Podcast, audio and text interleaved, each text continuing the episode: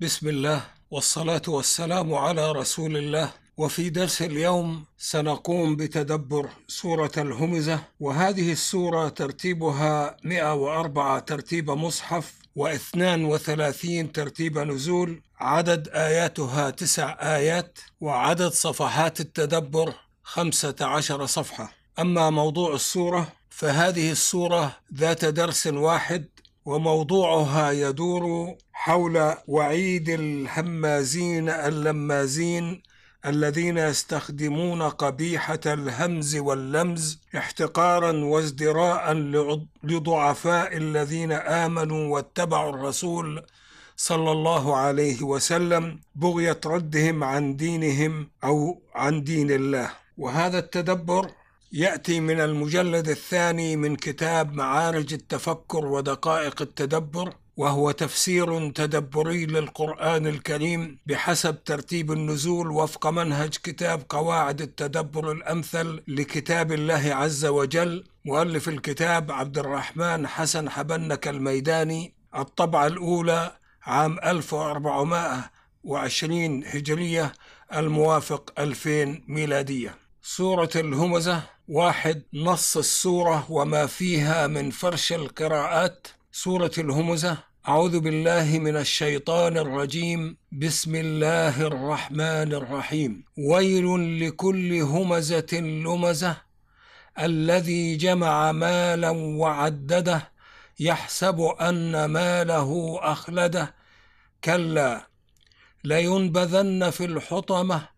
وما أدراك ما الحطمة نار الله الموقده التي تطلع على الافئده انها عليهم مؤصده في عمد ممدده. في الآية رقم اثنين الذي جمع مالا معدده قرأ ابن عامر وحمزه والكسائي وابو جعفر وروح جمع بتشديد الميم. اذا يجوز أن تقرأ الذي جمع مالا وعدده. ويجوز أن تقرأ الذي جمع مالا وعدده. وقرأ باقي القراء العشرة جمع بتخفيف الميم أي فتح الجيم وفتح الميم وفتح العين. وقد روعي في القراءتين اختلاف أحوال المتحدث عنهم فمنهم من يجمع جمعا بدون مبالغة ومنهم من يجمع بنهم ومبالغة. أما في الآية الثالثة يحسب أن ماله أخلده قرأ ابن عامر وعاصم وحمزة وأبو جعفر يحسب بفتح السين وقرأ باقي القراء العشرة يحسب بكسر السين. والقراءتان وجهان عربيان لنطق هذا الفعل. أما في الآية الثامنة إنها عليهم مؤصدة. قرأ أبو عمرو وحفص وحمزة ويعقوب وخلف مؤصدة بإثبات الهمزة وقرأ باقي القراء العشرة موصدة بجعل الهمزة واوا. والقراءتان وجهان من الآداء في النطق. وفي الآية التاسعة في عمد ممددة قرأ شعبة وحمزة والكسائي وخلف في عمود بضم العين والميم وقرأ باقي القراء العشرة في عمد بفتح العين والميم. عمدة وعمد كل منهما جمع جمع مفرده عمود فهما وجهان عربيان. اثنين من ذكر من المشركين أنه كان همازا لمازا للذين آمنوا ذكر بعض كتاب سيرة حياة الرسول صلى الله عليه وسلم وبعض المفسرين أسماء عدد من كبراء مشركي مكة الذين كانوا يتعرضون بالهمز واللمز للذين يستضعفونهم من الذين آمنوا واتبعوا الرسول ومن الذين ذكرت أسماءهم في استخدام هذه الرذيلة من المشركين الوليد بن المغيرة المخزومي وأمية بن خلف وأبي بن خلف والعاص بن وائل من بني سهم والأسود بن عبد يغوث والأخنس بن شريق وهذان الأخيران ثقفيان من سادة ثقيف في الطائف. ولا يعني ذكر هؤلاء أن السورة خاصة بهم بل هي عامة تشمل كل همزة لمزة في عصر الرسول صلى الله عليه وسلم وفي سائر العصور حتى آخر التاريخ الإنساني. وهم الذين يستخدمون وسيلة الهمز واللمز للصد عن دين الله الحق. ثلاثة موضوع السورة. هذه السورة ذات درس واحد وموضوعها يدور حول وعيد الهمازين اللمازين الذين يستخدمون قبيحة الهمز واللمز احتقارا وازدراء لضعفاء الذين آمنوا واتبعوا الرسول صلى الله عليه وسلم بغية ردهم عن دين الله وصد أمثالهم عن الدخول فيه ممن تحدثهم نفوسهم بأن يستجيبوا لدعوة الحق.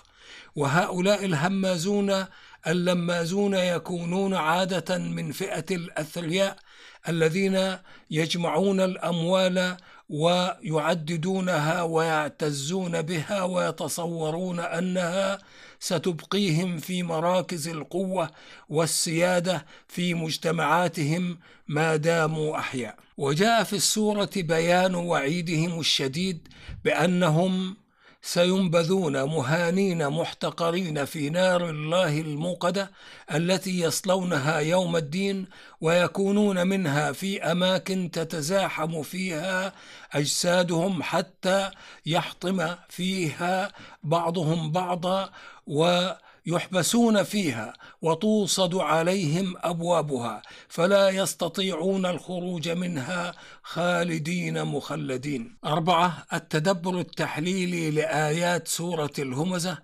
قال الله عز وجل ويل لكل همزة لمزة. هذه هي الآية الأولى من سورة الهمزة. ويل يأتي في اللغة بمعنى الحزن والهلاك والمشقة من العذاب قال ابن سيده ويل كلمة عذاب.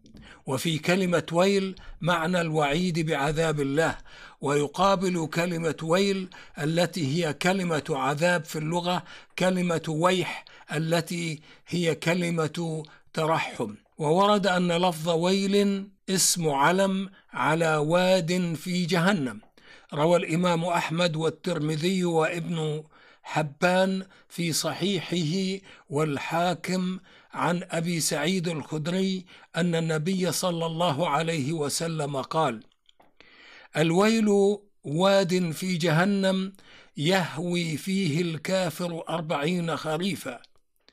لو أرسلت فيه الجبال لماعت من حره قبل أن تبلغ قعره. والصعود جبل من نار يصعد فيه سبعين خريفا ثم يهوي كذلك. لم يصل هذا الحديث إلى درجة الصحة عند المحدثين ولكن يمكن الاستئناس به إذ فيه بيان لنوع من أنواع العذاب الذي تدل عليه كلمة ويل في اللغة فيحمل اللفظ في القرآن على المعنيين.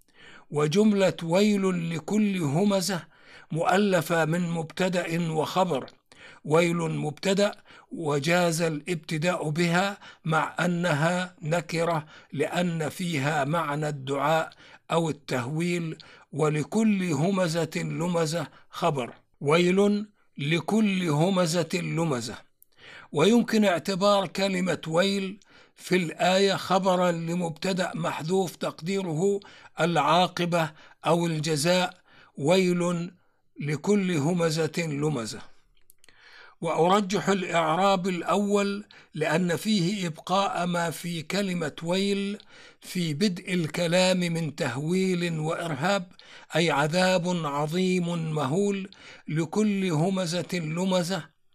همزة اللمزة لفظان على صيغة فعلة وهي من صيغ مبالغة اسم الفاعل التي وردت قليلة في كلام العرب ومنها ضحكة لمن هو كثير الضحك وسرعة يطلق على بطل المصارعة الذي يصرع الناس كلما صارعه أحد ولعنة لمن هو كثير اللعن للناس ولعنة. وتشعر هذه الصيغة مع الدلالة على المبالغة بأن الوصف الذي دلت عليه قد صار سجية وطبعا وأمرا ملازما غير منفك. همزة وصف لموصوف محذوف قام مقامه وأصل الهمز في اللغة الغمز بإيلام ومنه المهماز وهو حديدة يضعها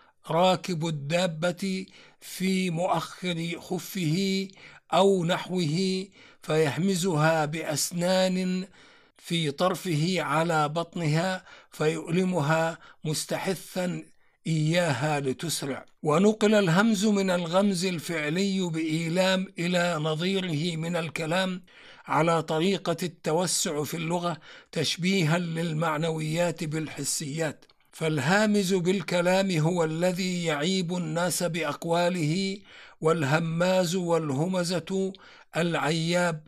يقال رجل همزة وامرأة همزة. وقد يكون الهمز بحركات تعبر عن أقوال كبعض حركات الشدق أو الشدق والعين والرأس والأيدي والأصابع. وخص الهمز غالبا بما يكون من طعن لا يشعر به المطعون عند فعل الطاعن فتدخل فيه الغيبة والنميمة والإشارات الطاعنات الملحقات بهما. لمزة وصف أيضا لموصوف محذوف قام مقامه وأصل اللمز في اللغة الدفع والضرب ونقل على سبيل التوسع في اللغة إلى معنى الإيذاء المؤلم للنفس بأسلوب الإشارة بالعين أو بالرأس أو بالشفة أو بغيرها من الجوارح مع كلام خفي. وخص اللمز غالبا بما يكون من ذلك بحضور الملموس وصار يطلق على المغتاب النمام العياب الطعان في أعراض الناس هماز لماز وهمزة لمزة وكل همزة لمزة قضية كلية فيها أداة من أدوات العموم التي تدل على أن كل همزة لمزة موجهة له الوعيد بعذاب شديد في واد من وديان جهنم يقال له وادي ويل. إذا كان من الذين يصدون عن دين الله بهمزهم ولمزهم أو يحرضون به الضعفاء على الردة عنه. فالمعنى عذاب شديد يوم الدين. في واد من وديان جهنم يقال له وادي ويل لكل همزة لمزة يتخذ الهمز واللمز وسيلة للتحريض على الردة عن دين الله وللصد عن الدخول فيه. قول الله عز وجل الذي جمع مالا وعدده يحسب أن ماله أخلده. الآيتان الثانية والثالثة من سورة الهمزة. جمع وقرئ في المتواتر من القراءات جمع إشارة إلى أن بعض الهمازين اللمازين المحرضين على الردة عن دين الله بما يفعلون والصادين عنه من يتأثر بهمزهم ولمزهم يجمعون مالا وفيرا ويعددونه دون مضاعفة في أعمالهم واجتهاداتهم في جمعه وأن بعضهم الآخر يضاعفون أعمالهم كادحين في هذا الجمع للمال الوفير. مالا جاء اللفظ منكرا للإشارة بالتنكير إلى الكثرة والوفرة أي مالا كثيرا وافرا وهذا أحد أغراض اختيار النكرة كما ذكر علماء المعاني والقرائن في هذا الموضع تدل على هذا الغرض. المال كل شيء مرغوب في امتلاكه مما به نفع ما وكانت الإبل عند العرب قديما أنفس أموالهم. وعدده أي وكرر إحصاءه بالعد مرات متتابعات إذ هو يستمتع ويتلذذ بعدما يملك من مال وقد تكون لذته بعده بعده وإحصائه ومعرفة مقدار ما يملك منه أكثر من استمتاعه ولذته بالانتفاع به مستهلكا له. يقال لغة عدد الأفراد إذا أحصاه ليعرف مقدار أفراده وعدده. إذا كرر إحصاءه والتكرير يدل على الاستمتاع والتلذذ بمشاعر بما يملك من مال. يحسب وفي القراءة الأخرى يحسب قراءتان متواترتان وهما لغتان عربيتان كما سبق بيانه. والمعنى يظن ظنا ضعيفا توهميا دل على هذا استقراء استعمال هذه المادة في القرآن فمادة حسب أو حسب لم تستعمل في القرآن إلا بمعنى الظن التوهمي. أن ما له أخلده الخلود يأتي بمعنى البقاء بلا نهاية ويأتي بمعنى طول مدة البقاء النسبي. ومن هذا أطلق العرب على الجبال والحجارة والصخور كلمة الخوالد لطول بقائها بعد دروس الأطلال. لكن الفعل الماضي من مادة الخلود لا يدل إلا على البقاء حتى لحظة الحاضر ولا يتعرض للخلود الأبدي ولا للخلود النسبي. فاستعمال الفعل الماضي أخلده بقول الله عز وجل في وصف المذموم المهدد بالوعيد الهمزة اللمزة يحسب أن ماله أخلده. الآية الثالثة. قد دل على أنه يحسب مع كل زمن يتجدد له في الحياة أن ماله هو الذي أبقاه فيما مضى حتى لحظة الحاضر عزيزا في قومه. مكفي الحاجات ذا مكانة اجتماعية رفيعة له فيها أمر ونهي وسلطان ولا يدل على معنى البقاء الدائم مستقبلا.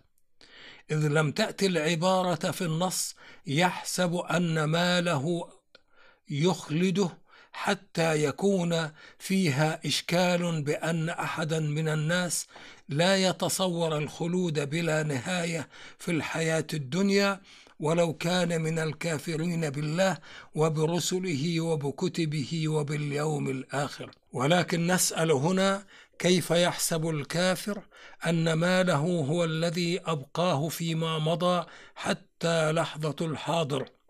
وأقول باستطاعة المتأمل أن يدرك أن الكافر يحسب أن ماله هو الذي أبقاه فيما مضى حتى لحظة الحاضر عزيزا في قومه مكفي الحاجات والمؤن ذا مكانة اجتماعية رفيعة له فيها أمر ونهي وسلطان. ولولا ماله لما بقيت له هذه العزة والقوة والمكانة الاجتماعية الرفيعة. هذا التوهم الباطل يسيطر على نفوس معظم أصحاب الغنى والثراء إذ ينسون أن الله هو الذي منحهم العزة والقوة والمكانة الاجتماعية الرفيعة في أقوامهم وربما كان المال من الأسباب الظاهرة ولو شاء الله لسلبهم أموالهم وعزتهم وقوتهم الاجتماعية الرفيعة. فهو جل جلاله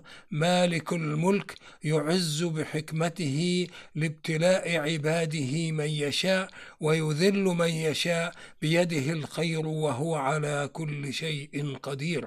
والكافر بيوم الدين لا يتطلع إلا إلى متاعه من الحياة الدنيا إذ يرى أن كل وجوده منحصر في هذه الحياة التي يعيش ظروفها فهي فرصته الوحيدة للاستمتاع وانتهاب اللذات وتحقيق الشهوات وهو يرى أن وسيلته إلى ذلك ما جمع من مال وعدده وأعده لتحقيق هذه الغاية ويرى أن بقاءه طوال حياته في متاع الحياة الدنيا هو الخلود الذي تطمح نفسه إليه وتنحصر فيه. والكافر الهمزة اللمزة المغتاب النمام العياب الذي لا يؤمن بالله وعدله وجليل حكمته ولا يؤمن باليوم الآخر الذي يكون فيه الحساب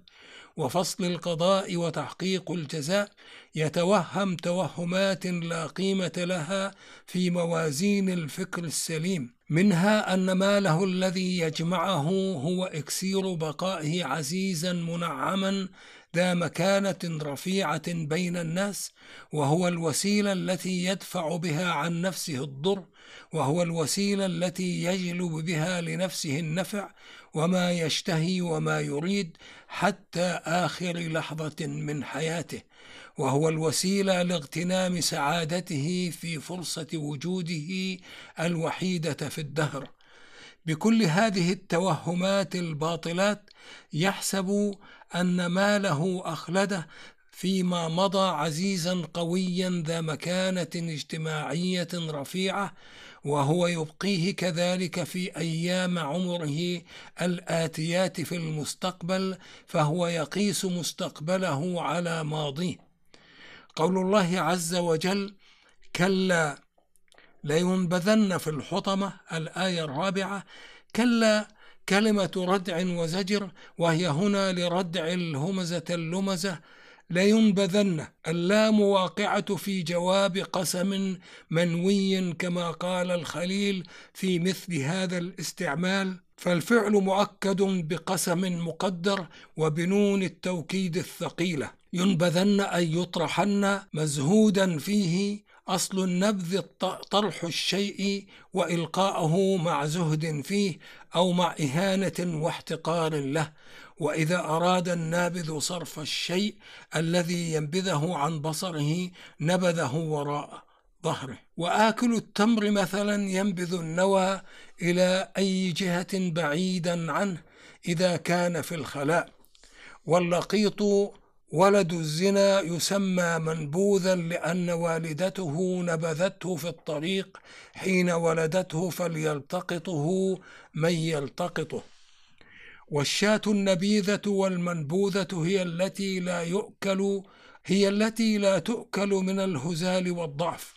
ففي استعمال فعل النبذ حين الإلقاء في النار معاني الإزدراء والإهانة والاحتقار والعقوبة بالذلة والصغار. لهذا الصنف المستكبر من الكفار الهم الهمزة اللمزة الصاد عن دين الله والذي يتخذ وسيلة الهمز واللمز لجعل ضعفاء المؤمنين يرتدون إلى الكفر بعد أن آمنوا بربهم واتبعوا الهدى. والذي لم يكن له هم هم في الحياة الدنيا إلا أن يجمع المال ويعدده ويتبع أهواءه وشهواته ولذاته. في الحطمة الحطمة اسم من أسماء دار العذاب يوم الدين سماها الله في القرآن حطمة لأنها تحطم كل شيء ينبذ فيها أي تك تكسره تكسيرا بعنف وشدة ليذوق مع عذاب الإهانة والإذلال والحريق عذاب التحطيم وتكسير العظام. صيغة حطمة من أبنية المبالغة كالهمزة واللمزة والسرعة أي فإذا كان هذا الكافر همزة لمزه عجبا بنفسه واستكبارا فلينبذ في الحطمة التي تحطمه وتحطمه وتكسر عظامه إهانة له واحتقارا تحقيقا لقاعدة الجزاء من جنس العمل فهذا ما يقضي به قانون العدل الرباني. أصل الحطم في اللغة الكسر على أي وجه دون عناية بالمكسور ولا مبالاة به ولا بأي شأن من شؤونه أو مع قصد التخلص من هيئته وصورته. تقول لغة حطمت الشيء أحطمه حطما إذا كسرته على أي وجه وتقول حطمته تحطيما فانحطم وتحطم إذا أردت التعريف بأنك زدت في أعمال التحطيم كما كما أو كيفا. والحطام الأشياء المحطمة المكسرة المكومة بغير نظام أو المنثورة. ويقال رجل حطمة أي كثير الأكل يحطم كل طعام يضعه في فيه.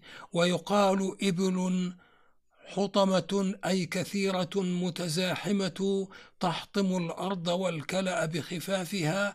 وكذلك يقال في قطعان البقر والغنم. وروى مسلم وأحمد في مسنده أن الرسول صلى الله عليه وسلم قال إن شر الرعاء الحطمة انتهى الحديث. أي إن شر الرعاء العنيف الشديد القاسي في رعايته الذي يسوق رعيته بشدة وعنف فيجعلها تتزاحم حتى يحطم بعضها بعضا وتحطم ما تمر عليه. قول الله عز وجل وما أدراك ما الحطمة? الآية الخامسة استفهام يراد به التعجيب والتعظيم والتهويل كما سبق في نظائر هذه العبارة وقد غدا معلوما أنه أسلوب قرآني من أساليب التعظيم والتهويل والتكبير والتعجيب أي وأي شيء أعلمك عظمة الحطمة وخطرها العجيب والمعنى لم تبلغ درايتك عظم الحطمة ولا مبلغ العذاب الذي تشتمل عليه إذ هي أمر فظيع جدا. قول الله عز وجل نار الله الموقدة. الآية السادسة.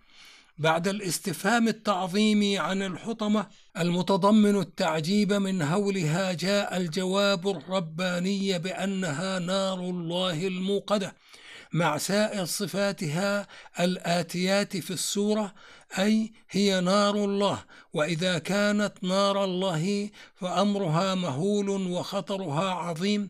وهذه الإضافة في نار الله تشعر بأن نار الله هذه التي أعدها دارا لعذاب مستحقي العذاب يوم الدين هي إعداده جل جلاله وعظم سلطانه وليست إعداد أحد من خلقه.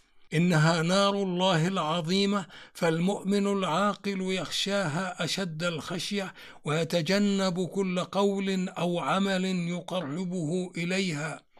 الموقدة أي تمد دواما بالوقود الذي يجعلها في حالة اشتعال دواما حالا ومستقبلا. فاسم المفعول مثل الفعل المضارع المبني لما لم يسمى فاعله يدل على الحال والاستقبال والتجدد واسم الفاعل مثل الفعل المضارع المبني لما سمي فاعله يدل على الحال والاستقبال والتجدد أيضا. هذا ما ظهر لي في دلالات النصوص القرآنية الكثيرة ولم يظهر لي فيها ما ذكره علماء أصول الفقه من أن اسم الفاعل حقيقة في الحال مجاز في الماضي والاستقبال بل كل من اسم الفاعل واسم المفعول كالفعل المضارع في الدلالة على الحال والاستقبال والتجدد. الوقود الوقاد ما تشتعل به النار من حطب وغيره. وقد جاء في البيان القرآني أن وقود نار الله يوم الدين الناس والحجارة فالحجارة وقودها قبل إدخال المعذبين بالاحتراق فيها يقال لغة أوقد النار أي أشعلها. قول الله عز وجل التي تطلع على الأفئدة الآية السابعة. وصف الله عز وجل نار جهنم يوم الدين بأنها تطلع على الأفئدة فما المراد بهذه العبارة؟ سؤال أطلع على الشيء أي أشرف عليه ناظرا إليه يمكن أن نفهم من هذا الوصف أن مس عذاب النار لا يقتصر ولا يقتصر على الجلود التي كلما نضجت خلق الله للمعذبين بها جلودا غيرها ليتجدد إحساسهم بعذاب الحريق وإنما ينفذ حرها إلى أفئدتهم أيضا كما ينفذ بصر الرائي إلى الشيء الذي يطلع عليه. شبه وصول حر النار إلى الشيء بوصول نظر المطلع على الشيء فاستعير فعل تطلع للدلالة على وصول حر النار إلى أفئدة المعذبين فيها بشكل متجدد على مثل إدراك النظر الذي يحيط بالمنظور إليه. وقد يكون المراد أن النار تطلع على الأفئدة التي هي محل النيات والمقاصد ومنابع الكبر والعجب والكفر ورغبات الفجور فتعطي من قوة تعذيبها وشدته ما يناسب ما في الأفئدة مما يستحق العذاب كما وكيفا. وقد يدل على هذا أن ما كان في الأفئدة في الدنيا من ذلك يبقى فيها مسجلا كما كان تماما. وهو يشبه ما يسمى بالصندوق الأسود في الطائرات. إذا تحطمت يسجل فيه ما جرى فيها قبل التحطيم. قول الله عز وجل إنها عليهم مؤصدة. الآية الثامنة من سورة الهمزة وفي القراءة المتوراة الأخرى موصدة. وهما وجهان لنطق الكلمة في العربية وصف الله عز وجل الحطمة التي هي نار الله الموقدة بأنها على كل همزة لمزة كافر بالله واليوم الآخر مؤصدة أي مغلقة الأبواب مقفلة فلا يستطيعون الخروج منها. موصد اسم مفعول من فعل أوصد يوصد تقول لغة أوصدت الباب وأوصدت القدر إذا أطبقته وأغلقته وأقفلته. وأصد الباب يأصده أصدا وإصداء أي أغلقه فهو موصود وأوصده يوصده فالباب موصد. وآصد الباب يؤصده فهو مؤصد.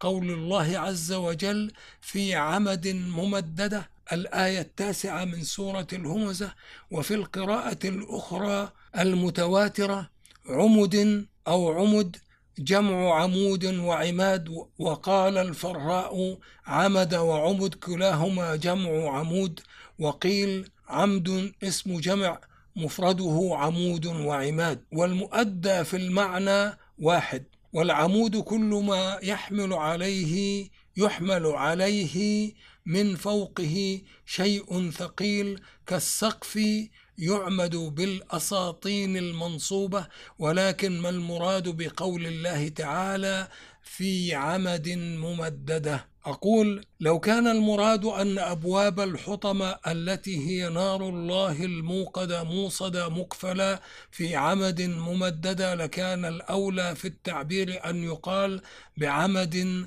ممددة. لأن حرف الباء هو الأصل في الدلالة على معنى السببية. يضاف إلى هذا أنه لا حاجة يوم الدين لأن يكون إيصاد أبواب دار العذاب وإقفالها بالأعمدة الممددة. فقد اكتشفنا من ظواهر آيات الله في كونه في الحياة الدنيا أن إغلاق الأبواب وإقفالها له وسائل أخفى وأدق من الأعمدة التي كانت إحدى وسائل الحضارات الإنسانية غير المتقدمة لإيصاد الأبواب وتثبيت إقفالها. والأرجح فيما ظهر لي والله أعلم أن تكون عبارة في عمد ممددة وصفا للحطمة فهي نار الله الموقدة وهي التي تطلع على الأفئدة وهي على المعذبين فيها